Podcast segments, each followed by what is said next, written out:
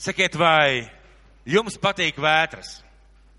Vai ir kāds, kuram patīk vētras šeit? Ir cilvēkam patīk vētras, pareizi. Ir tāda varenība, ir spēks, ir tāda stihija, koka locās, reizēm lietus, pērkons, zibens, dažādas lietas.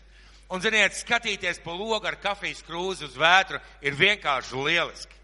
Vai sēdēt mašīnā un skaties, kā vētra trako, ir vienkārši lieliski. Tu sēdi, ārā ir vētra un tu dzer kafiju un vienkārši tu baudi no tā visa. Pavisam cita lieta neaizsargātam ārā atrasties vētrā.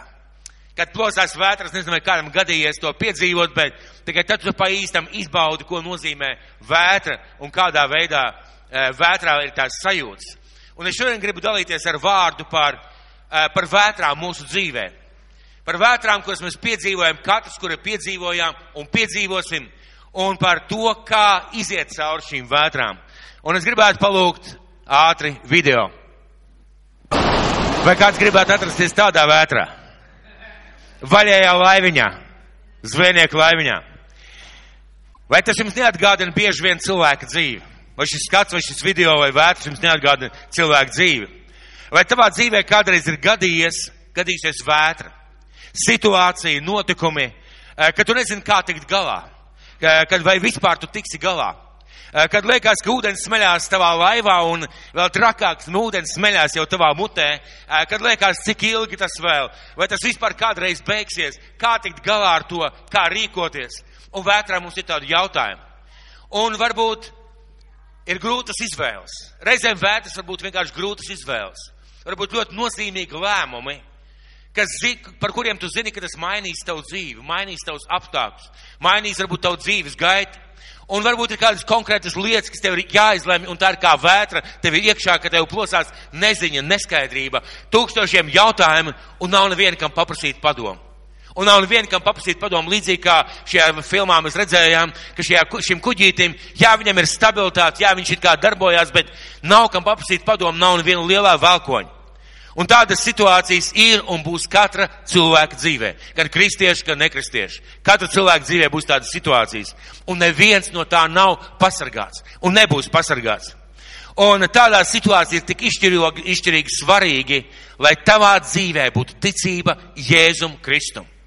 Tādā mirklī ir ļoti svarīgi, lai tavā dzīvē Jēzus Kristus būtu tavs kungs un glābējs. Lai tev būtu personīgas attiecības ar viņu kā Dievs ir tavs kungs, ka Dievs ir tavs glābējs, kā tu pazīsti viņu personīgi, kad tu staigā ar viņu, kad tu uzticies, un kad šādās vētrās tev ir kā, pie kā iet paprasīt padomu. Ir pie kā tverties, ir pie kā nomesties, lai varētu saņemt palīdzību. Un, eh, kad tu vari zināt, viņš palīdzēs. Un kad ne tikai vienkārši pajautāt, tikai vienkārši vēstēt, ka tu vari zināt, viņš palīdzēs. Ziniet, kāds visbiežāk lietotais vārds pārbaudījumos, grūtībās, kaut kādās bēdās, stresa situācijās - Dievs palīdz. Ticīgiem un neticīgiem Dievs palīdz. Vai ak Dievs, vai ak kungs. Un to mēs varam redzēt gan filmās, gan piedzīvot dzīvē. Un ziniet, kristietībā ir mīts. Kristietībā ir mīts, jeb tāds stāsts. Tikai tici, un viss tev būs labi. Naudu tu nezināsi, kur likt. Tev nekad nebūs problēmas, tu nekad neslimosi. Tev vienkārši viss būs kā pa sviestu, tikai notic. Mēs dzīvojam kritušā pasaulē. Mēs dzīvojam grēcīgā pasaulē, kur ir slimības, kur cilvēki kļūdās, mēs kļūdamies, un Jēzus nekad nesolīja, ka jūsu dzīvē nebūs vētras. Viņš nekad neteica, ka tu vienkārši staigās kā pa mākoņiem. Viņš nekad neteica, ka viss būs kārtībā, viss būs vienmēr top, tip top un tev viss kā būs gan. Vienu gan viņš teica. Viņš teica, es būšu blakus jums. Es būšu blakus jums. Kad tu ies cauri grūtībām, es palīdzēšu tev. Es stāvēšu tev blakus, es tev stiprināšu, es tev svētīšu, es tev palīdzēšu. Un, protams, protams, ka svētais gars un Dievs mūs izved, ja ļauj nepiedzīvot arī kādas problēmas. Mēs zinām, ka, kad cilvēki dara pilnīgi nepareizas, grēcīgas lietas, šīs problēmas vienkārši atnāk kā rezultāts. Un ja mēs uzticamies Kristum, ja mēs esam kopā ar viņu, viņš mūs pasargā no tāda veida problēmām. Un es gribu jums pastāstīt par kādu vētru savā dzīvē. Es viņu neplānoju, es viņu negaidīju, es viņu necerēju. Ļoti iespējams, kāds jau būs dzirdējis šo stāstu. Tas bija noticis vismaz kāds 10, 15 gadus atpakaļ. Bija kāda diena, skaista, saulaina, vasaras diena, Es runāju kādu cilvēku satikties tur uz Jālgavas šoseis, un es eh, iesēdos savā mašīnā, tajā laikā man bija ceturtais žiguls, un es braucu ar viņu, un es braucu ar šo, tā, ar šo mašīnu, tas bija padomju laiks, ja tā varētu vēl teikt. Skaisti spīd saule, un, ziniet, es nekad nesprādzējos. Man patika braukt kā brīvajam putnam. Es zināju, ka ir jāsprādzējās. Tajā laikā policisti tik ļoti neķēra, un es nesprādzējos parasti. Tajā reizē, neskapēc, es piesprādzējos. Un es vienkārši braucu pa, pa šoseju, baudu skaisto laiku, skatos kreisajā pusē stāv viens smagā mašīna, es mierīgi braucu, un pēkšņi no šīs smagās mašīnas aizmugurs parādās balta mašīna. Ziniet, tās bija kādas piecas sekundes, es neticēju savām acīm. Viņa šķērsoja līniju un tieši brauc man virsū. Tajā mirklī es nepagūju iesaukties ne kungs, ne dievs, vienkārši bija milzīgs trieciens un es zaudēju samaņu. Un es attopos tad, kad man sprādzēja un valk, cenšās vilkt ārā no mašīnas. Uh, es nestāstīšu varbūt visu stāstu, bet uh, tā bija mana pirmā mašīna, likās ļoti dārga, ļoti vērtīga. Un tad, kad tas notika, mēs gaidījām policiju, gaidījām ārstus, ātro palīdzību. Un ziniet, kas izkāpa ārā, es paskatījos to mašīnu. Es kaut ko piedzīvoju. Un ziniet, ko es piedzīvoju? Es piedzīvoju to sajūtu, ka es sapratu, ka Dievs mani burtiski kā cēlēnu ir paņēmis, iekļāvis savās rokās un nav ļāvis man aiziet bojā. Jo viss tas sāns, kurā vietā es sēdēju, viņš bija sadragāts, man nebija nekas lausts. Ar man viss bija kā kārtībā, seja nedaudz asinīs, uz kājas uzdauzīts pamatīgs zilms, bet es skatījos to mašīnu, es atceros, kā tagad es, uh, tur bija šie, uh, mēs gaidījām jau policiju, visi kā bija daudz mums noskaidrojies, ka neesmu mīris, ka esmu pie samaņas, uh, cilvēks sastājās gar malu, mēs gaidām ātro palīdzību, un es kā tagad atceros. Es aizgāju, mana mašīna bija iestumta gandrīz grāvī, es aizgāju nometos aiz mašīnas ceļos un teicu, Dievs, es tev pateicos. Vienkārši paldies Tev, Dievs, ka Tu mani pasargāji. Un tajā brīdī piebrauc ātrā palīdzība, viņi pieskrēja pie manis, reku cilvēks jau paģīmis, uh, iekrāmēja mani mašīnā un, ziniet, uh, atbrauc kādi cilvēki, sāk kārtot tos papīrus, visu man veda ātrajā palīdzībā. Es kā tagad atceros. Es braucu ātrajā palīdzībā un ātrajā palīdzībā, ziniet, uz durvīm ir tādas svītras. Puse matēta, puse, puse vienkārši balta, caurspīdīga. Un es braucu pa šī, šīm svītrām es sēžu tajā krēslā, pat ārsts nebija man blakus, es sēžu šajā krēslā un es skatos, kā iet cilvēku kājas. Kā vienkārši iet pa trotuāru cilvēku kājas, kā cilvēki pārvietojās. Un es sēdēju un tajā mirklī man atnāca doma, ja ne Dievs, tad ļoti iespējams šeit vestu tavu līķi. Un tiem cilvēkiem tur zīles. Viņi pat nezinātu. Viņiem pat nojauta nebūtu. Ja ne Dievs tavā dzīvē. Un, ziniet, tā bija tāda pamatīga vētra, bet varbūt tas bija tas pirmais punkts. Un tālāk izrādījās, ka tas cilvēks, kas uzbrauc man virsū, ka viņš ir policists. Un ļoti ātri viņš pēc pāris dienām jau bija slimnīcā uz nenoteiktu laiku. Es aizgāju uz policijas iecirkni un policists teica, nu jā, mēs saprotam. Jūsu avārijas izraisītājs ir vienkārši slimnīcā, viņam ir veselības problēmas, viņam nebija nekāda problēma, pateikšu jums uzreiz. Viņš vienkārši ielaicies slimnīcā un draugu paziņas teica, Jāni, vienkārši aizmirst. Neko tev nesamaksās. Neko tu nedabūsi. Viņš ir policists, un tie bija tajā laikā, kad bija vēl rekets un viss pārējais. Un es kā tagad atceros, mēs aizbraucam uz policiju, uzrakstījām iesniegumu, policistā māja ar galvu, nu, nu, ja jūs gribat, nu, vēl jums pastāv iespēja tiesāties. Mēs braucam mājās, mans draugs saka, zini, bet ja viņš tev nesamaksās vai pazudīs vai kā, nu, vajag sniegt tiesā. Un es atceros, kā tagad es toreiz pieņēmu lēmumu. Nekādas tiesas nebūs. Es paļaušos uz Dievu. Ja man nesamaksās, lai tā arī notiek, es paļaušos uz Dievu. Un ziniet, ko Dievs izdarīja? Beidzās viss ar to, ka tie cilvēki ne tikai, ne tikai atbrauca pie manis un palūdza piedošanu, bet arī atbrauca, samaksāja par to mašīnu un aizved projām kā liecība, pirms viņi veda, veda projām, bija izsaukt šie evakuators no kaut kāda, no kaut kāda servisa vai no uh, kapsētas. Pirms viņi veda projām, tie cilvēki atnāca, apskatījās, kā to mašīnu dabūt ārā. Viņi staigāja apkārt šai mašīnai un teica, jā, žēl šofera. Es teicu, nu es tas esmu. Nevar būt. Nu jums gan, jūs gan esat dzimis laimes krekliņā. Ziniet, kāpēc? Jo šajā vētrā Dievs bija ar mani. Šajā vētrā Dievs bija ar mani, un es neplānoju, es negaidīju, es necerēju. Un vai Bībele vai Bībele, vai svētie raksti kaut ko runā par vētrām mūsu dzīvē. Vai Bībele kaut ko runā par vētrām mūsu dzīvē, kuras mēs piedzīvosim.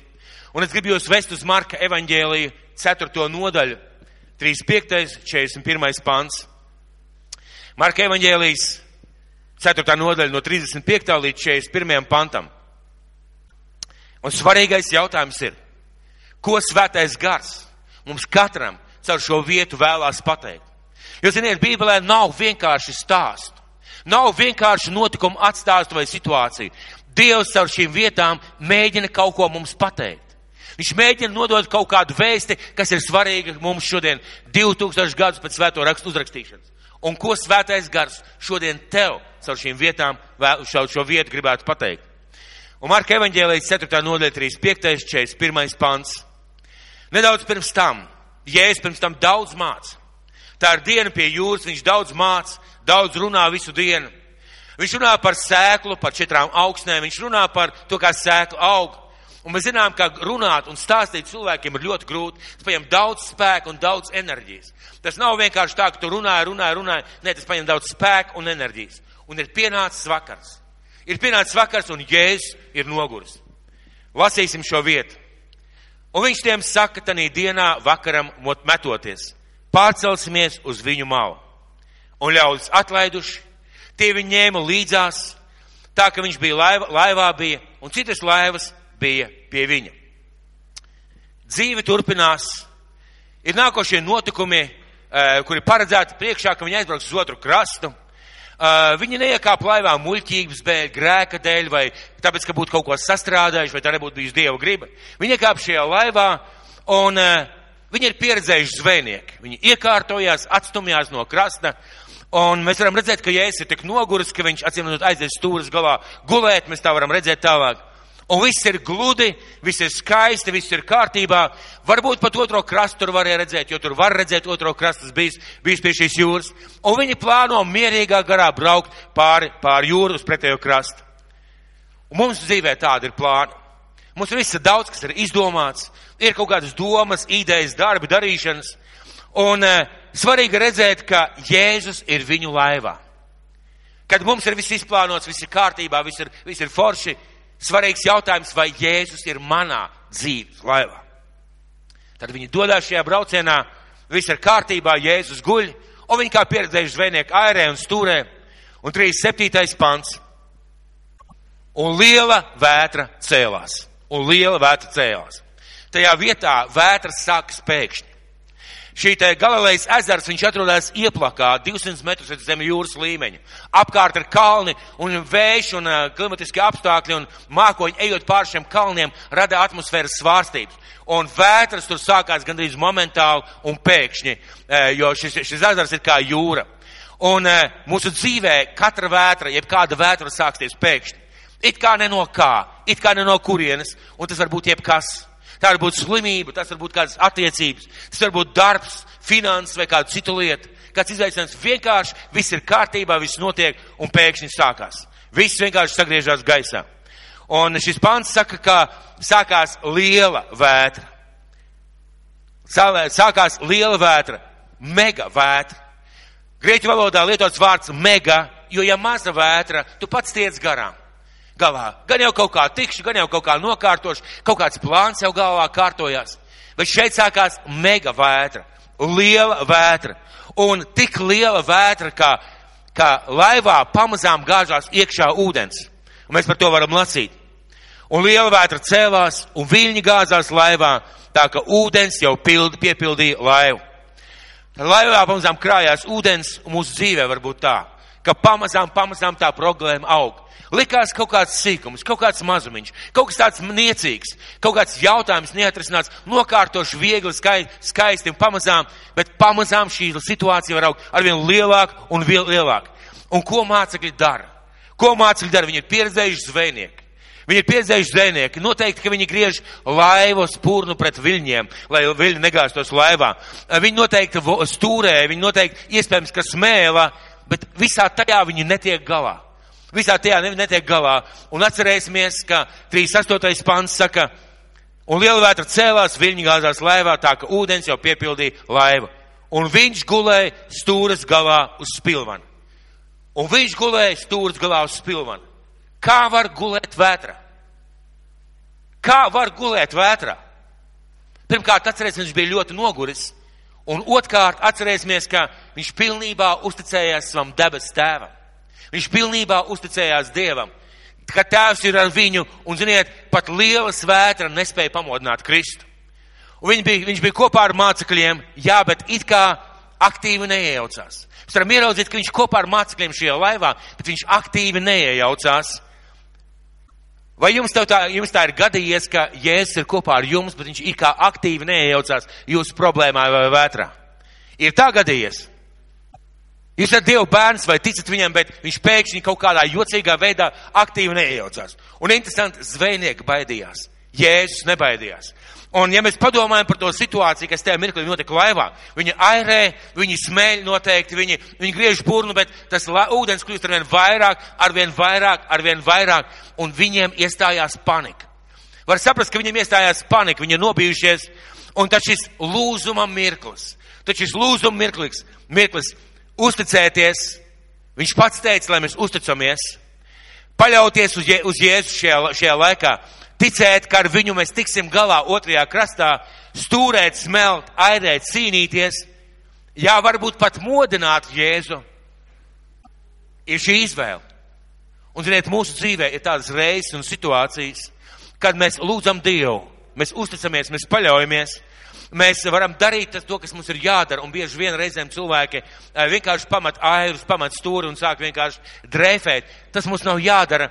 Un tad mums ir izvēle vai nu uzticēties, paļauties, lūgt pie Dieva, bet ticēt, ka kopā ar viņu mēs tiksim ārā otrā krastā, vai, vai, vai sāk dusmoties, sāk panikot, sāk krist panikā, pārmest Dievam, ka Viņš mūs ir aizmirsis, ka Viņš mūs ir atstājis, teikt, ka mēs viņu nemīlam, ka Viņš mums nav vajadzīgs. Ja Dievs tu tā rīkojies, tad es pats to darīšu. Tad es pats rīkošos, paņemšu lēmumu, cik daudz cilvēku Tādās situācijās paši pieņem lēmumus. Viņi zina varbūt pat Dievu vārdu. Viņi zina, ka jāuzticas. Viņi zina, ka jāpaļaujas. Viņi zina un ir dzirdējuši, ka Dievs ir kopā ar mums visās situācijās, bet viņi pieņem lēmumu, es pats darīšu. Es zinu, nav īsti pareizi, bet es pats darīšu. Jums dzīvē tā ir gadījies? Vai dzīvē jums tā ir gadījies? Ka jūs zinat, kas būtu pareizi, bet jāmeklē risinājums un jūs risināt savā veidā un savā ceļā. Un viņiem ir šī izvēle šajā laivā esot. Ko viņi dara? Ko viņi dara? 38. pants vēlreiz. Un viņš gulēja stūras galā uz pilvana. Un tie viņu modina un saka uz viņu. Mācītāji, vai tu nebēdā, nebēdā ka ejam bojā? Mācītāji, vai tu nebēdā, ka ejam bojā? Viņi pārmet, viņi dusmojās, viņi ir panikā, viņi airēja, noteikti airēja smēlu šodien un skatās, Iedomāsimies to situāciju. Viņi airē smeļ, paskatās vienreiz, Jēzus guļ. Airē smeļ un skatās, atkal Jēzus guļ. Airē, airē smeļ, pārdzīvo, paniko, skatās, Jēzus guļ. Nu nevar taču pieļaut, ka Jēzus guļ. Un ko viņi dara? Viņi nāk pie iesaka, vai tu nebēdā, vai tev vienalga, vai tev ir pilnīgi vienkārši vienalga, ka mēs ejam bojā. Viņi nāk pie iesaka ar šo pārmetumu, ar šīm dusmām. Mums grūti noticēt, ka Jēzus valda mūsu dzīvē, tad, kad mūsu dzīvēs ir problēmas. Mēs bieži tā, pat ja ne vārdos mēs pārmetam Dievam, pat ja ne vārdos mēs panikojam, tad īstenībā savās domās bieži vien mēs krītam panikā, mēs krītam izmisumā, reizēm mēs krītam pat zaudējam ticību, eh, zaudējam ticību, un kad viņi pajautā, vai tu tici, ka Dievs tev var palīdzēt, tu saki, jā, jā, jā, es ticu. Bet iekšā tā nav. Iekšā tā nav. Un šiem cilvēkiem, šiem viņu mācekļiem bija tieši tāpat. Kad mums dzīvē ir krīze, reizē mums iznāk, ka mēs pārmetam Dievu pat savās domās vai savās sajūtās vai rīkojamies savādāk, it kā viņa dzīvē, it kā mūsu dzīvē viņa nebūtu. Un 39. pants. Un uzdod, uzmodies viņš apsauca vēju un sacīja uz jūru klusu mierā. Un vējš nostājās un iestājās pilnīgs klusums. Viņu pamodina Jēzu. Kā jūs domājat, kā viņš pamodās? Apmēram tā, ko Kas? Ā, vētra. Vai taisn otrādi pilds, ka ārkārtas, ārkārtas vētra. Kā jūs domājat, kā viņš pamodās? Kā jūs domājat, kā viņš pamodās? Viņš noteikti mierīgi piecēlās sēdus, paskatījās, pieceļās kājās, un viņš nebija panikā. Viņš nebija panikā, jo viņš bija kopā ar savu tēvu, un viņš to zināja, un viņš to saprata.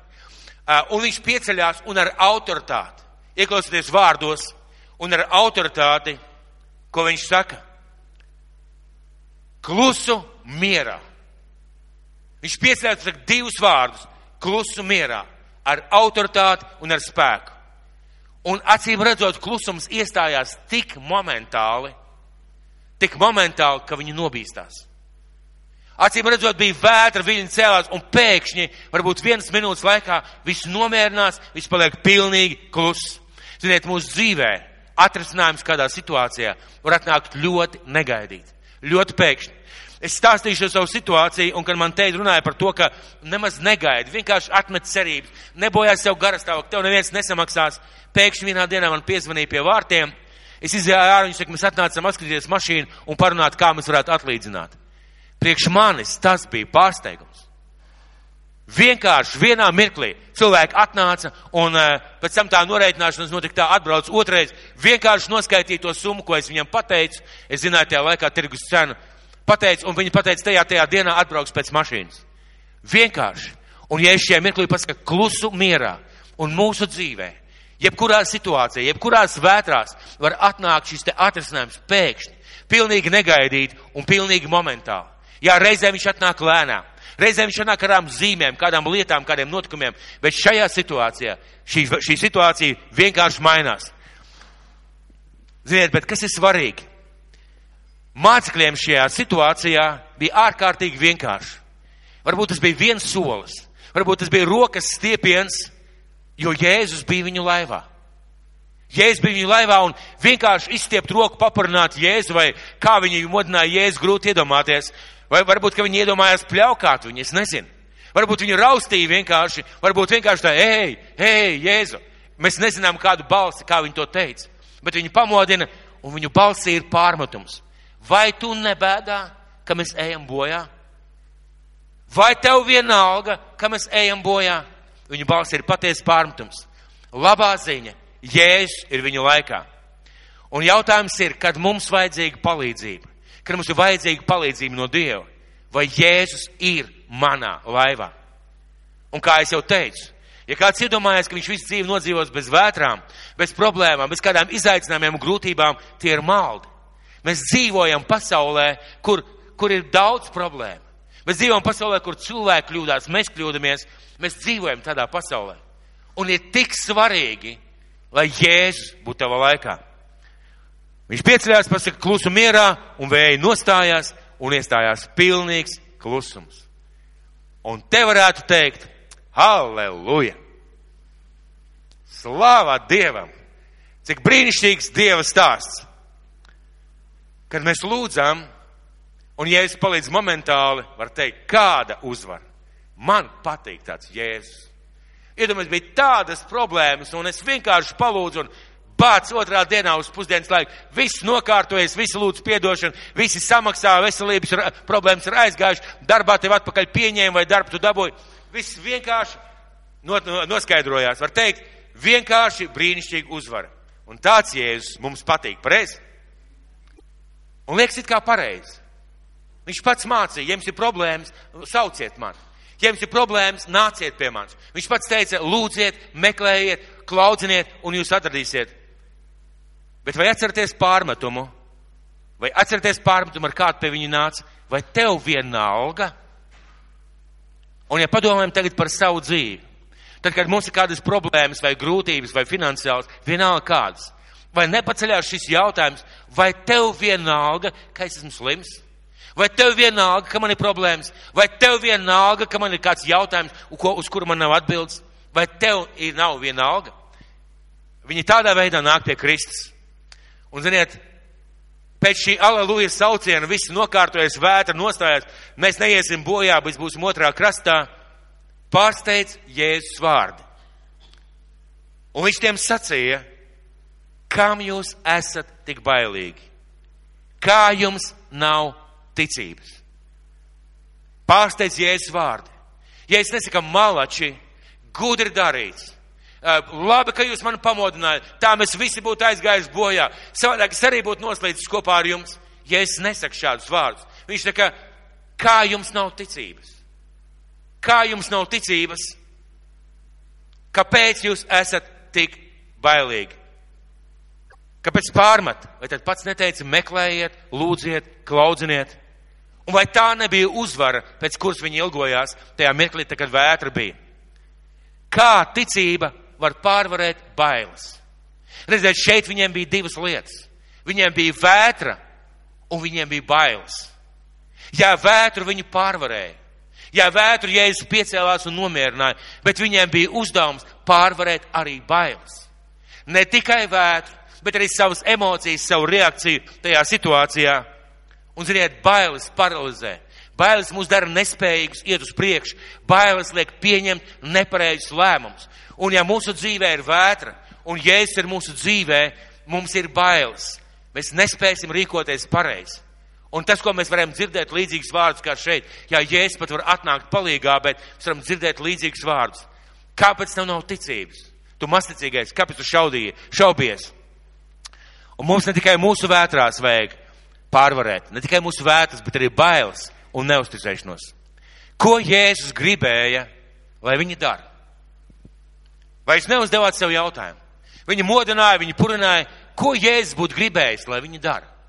Ko Jēzus grib, lai tu savā dzīvē dari, kad tavā dzīvē ir vētra?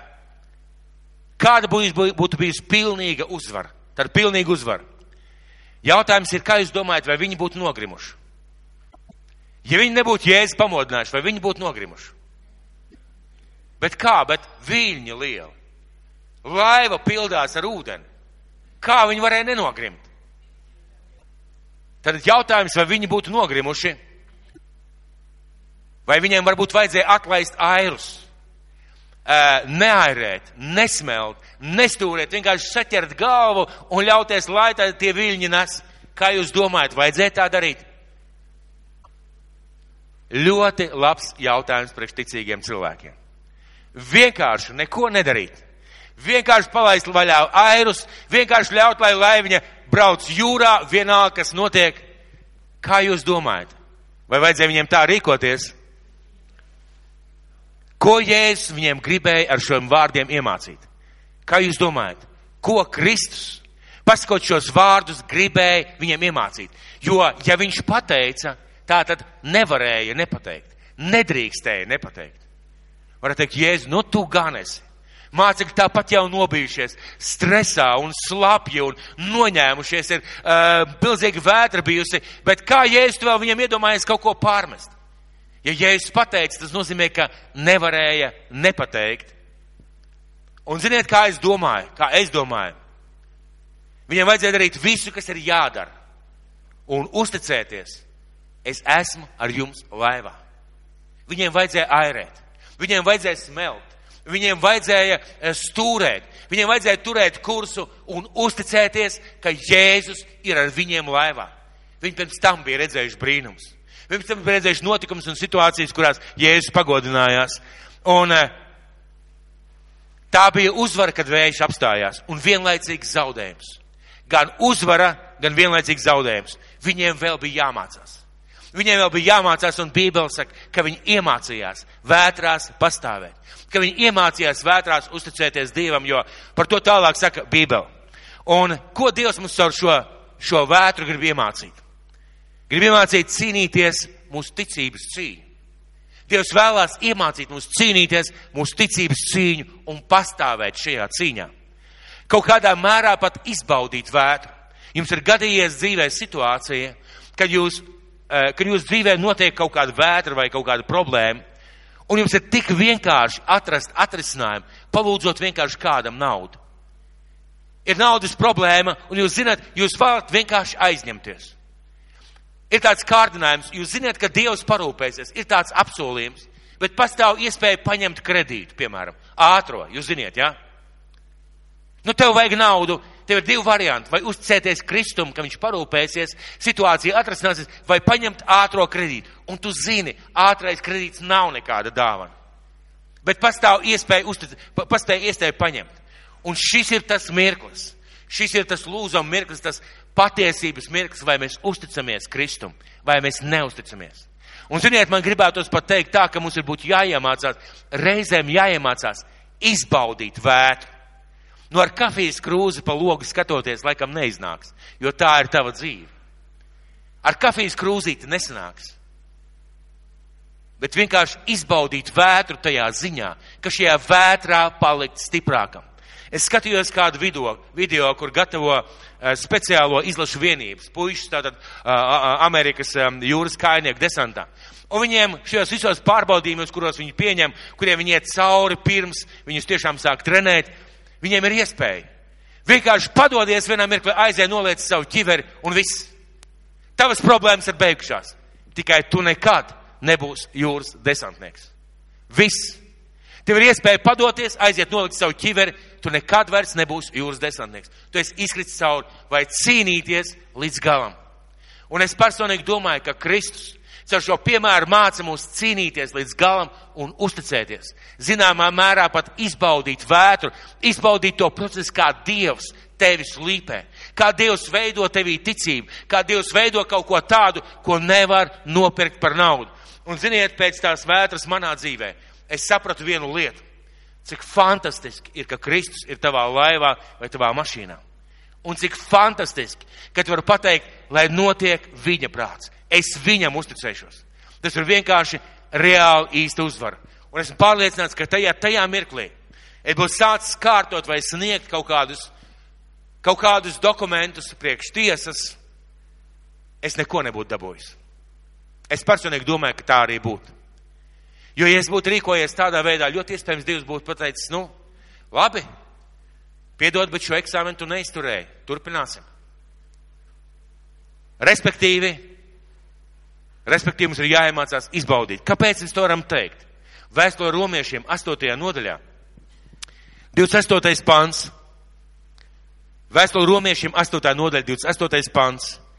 Un mēs zinām, ka tiem, kas mīl Dievu, visas lietas nāk par labu. Kāpēc? Kāpēc visas lietas var nākt par labu? Arī vētras, arī kādas grūtības, kādas grūtas situācijas. Tāpēc, ka tie pēc viņa mūžīgā nodoma ir aicināti. Mēs zinām, ka ticīgi, mēs zinām, ka tiem, kas mīl Dievu, visas lietas nāk par labu. Kāpēc tāds jautājums? Lai mēs zinātu, ka visas lietas nāk par labu. Arī šāda vētra, arī šāda situācija. Viss ticīgajiem nāk par labu. Un tālāk mēs turpinām 41. pants. Atgriežamies Marka evaņģēlijā, 4. nodaļā, 41. pants. Un tie ļoti izbijās un sacīja savā starpā, kas tas tāds, ka pat vējš un jūra tam pakļaujās. Viņi saņem atklāsmi. Šajā situācijā viņi saņem atklāsmi, bet tik ļoti lielu atklāsmi, ka viņi nobijās. Šī atklāsme viņus patiesībā satricināja varbūt pat vairāk nekā vētra. Jo vajadzēja būt, ka viņa sirdī iestājās miers, bet kad viņi ierauga to, ko izdara Jēzus, viņi ir vēl vairāk nobijušies un satraukšies. Viņi saka, kas tas tāds, ka pat vētra un jūra viņam paklaus. Un Jēzus viņu, viņu saprašanā sāk neiederēties nevienā rāmī. Jēzus parāda, ka viņš stāv pāri visām lietām.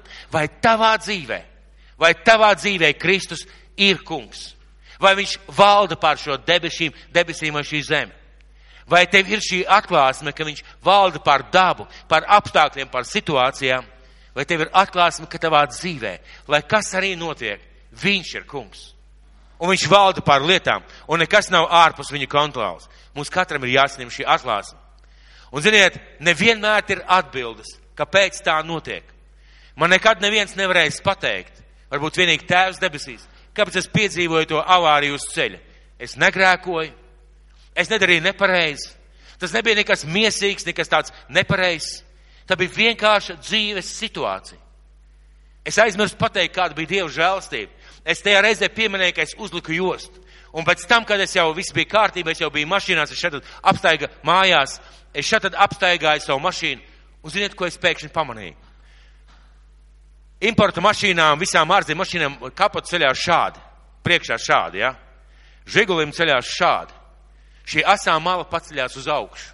Viņa paceļās augšu apmēram tā stikla līmenī.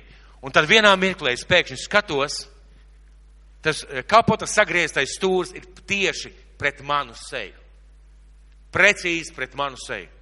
Un ja es tajā reizē nebūtu piesprādzējies, ļoti iespējams, ka es būtu nogriezis savu galvu. Kāda bija Dieva žēlstība? Ziniet, kāpēc? Jo viņš bija manā dzīves laivā. Un es varu pateikties tikai par šo situāciju, bet mums nekad nebūs atbildes. Nevienmēr ir atbildes, kāpēc tā notiek. Reizēm būs atbildes. Kāpēc notiek tā vai tā, es rīkojos nepareizi, vai nepareizi lēmumu pieņēmu. Mums nebūs vienmēr atbildes, kāpēc tā notiek. Bet vienmēr ir jautājums. Vienmēr ir jautājums, vai Jēzus ir tavā laivā. Nav atbildes, kāpēc tā, bet jautājums ir, vai Jēzus ir tavā laivā, vai Jēzus ir tev blakus. Kas Jēzus priekš tevis ir? Vai viņu viegli atrast, kad ir grūtības? Vai ir viegli viņu satikt, kad ir kāda problēma? Un ļauj man pajautāt tev šodien, vai viņš ir tavā dzīves laivā? Vai Jēzus ir tavā dzīves laivā? Vai tikai tu par viņu zini?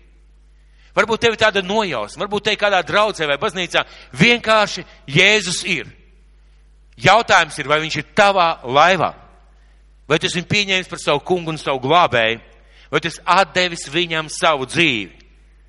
Un tev ir jāzina, viņš ar varu tavā laivā nekāps. Tev viņš ir jāņem laivā. Mācekļi paņēma Jēzu laivā. Tev viņš ir jāpaņem savā laivā. Vai tu vari nākt un lūgt viņu, ka tev ir vajadzīgi? Atcerēsimies, ka mācekļiem varbūt bija jāizstiep roka.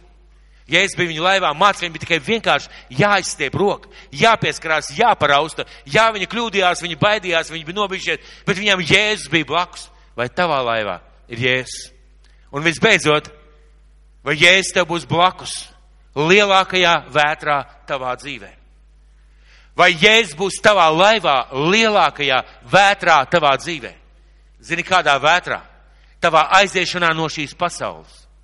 Vai tajā mirklī Kristus būs tev blakus? Vai viņš būs tavs kungs un tavs glābējs, un šai vētrai cauri izies ik viens? Ja varbūt avārija mūsu dzīvē nepiedzīvē, bet šai vētrai iziet ik viens, un nebūs svarīgi, vai tu esi dzirdējis par Jēzu vai neesi dzirdējis. Nebūs svarīgi, kādā konfesijā ir tavu vecāki, vai kādu baznīcu tu apmeklē, vai kādā konfesijā tu biji pieregistrēts, Pilnīgi nebūs svarīgi, kādā draudzē tu gāji un kā tavu mācītāju sauc. Būs svarīgi tikai viens. Vai tavā laivā ir Kristus? Un tas būs tik svarīgi, ka tas izšķirs patiesībā tavu dzīvi un tavu mūžību. Varbūt cilvēki domā tā, nu labi, tad, kad es gatavošos uz debesīm, tad es, tad es padomāšu par šo jautājumu. Bet kāpēc tagad, ne tagad dzīves laikā? Kāpēc ne tagad dzīves laikā? Lai viņš dod tev atbildi lai viņš māca tevi, lai viņš skolo tevi, lai viņš ved tevi, lai viņš palīdz tev, lai viņš ir kopā ar tevi tavās vajadzībās un tavās problēmās, vai taisnu, vai taisnu otrādi pasargā no kādām problēmām. Ziniet, Dievs mūs pasargā no ārkārtīgi daudzām vētrām.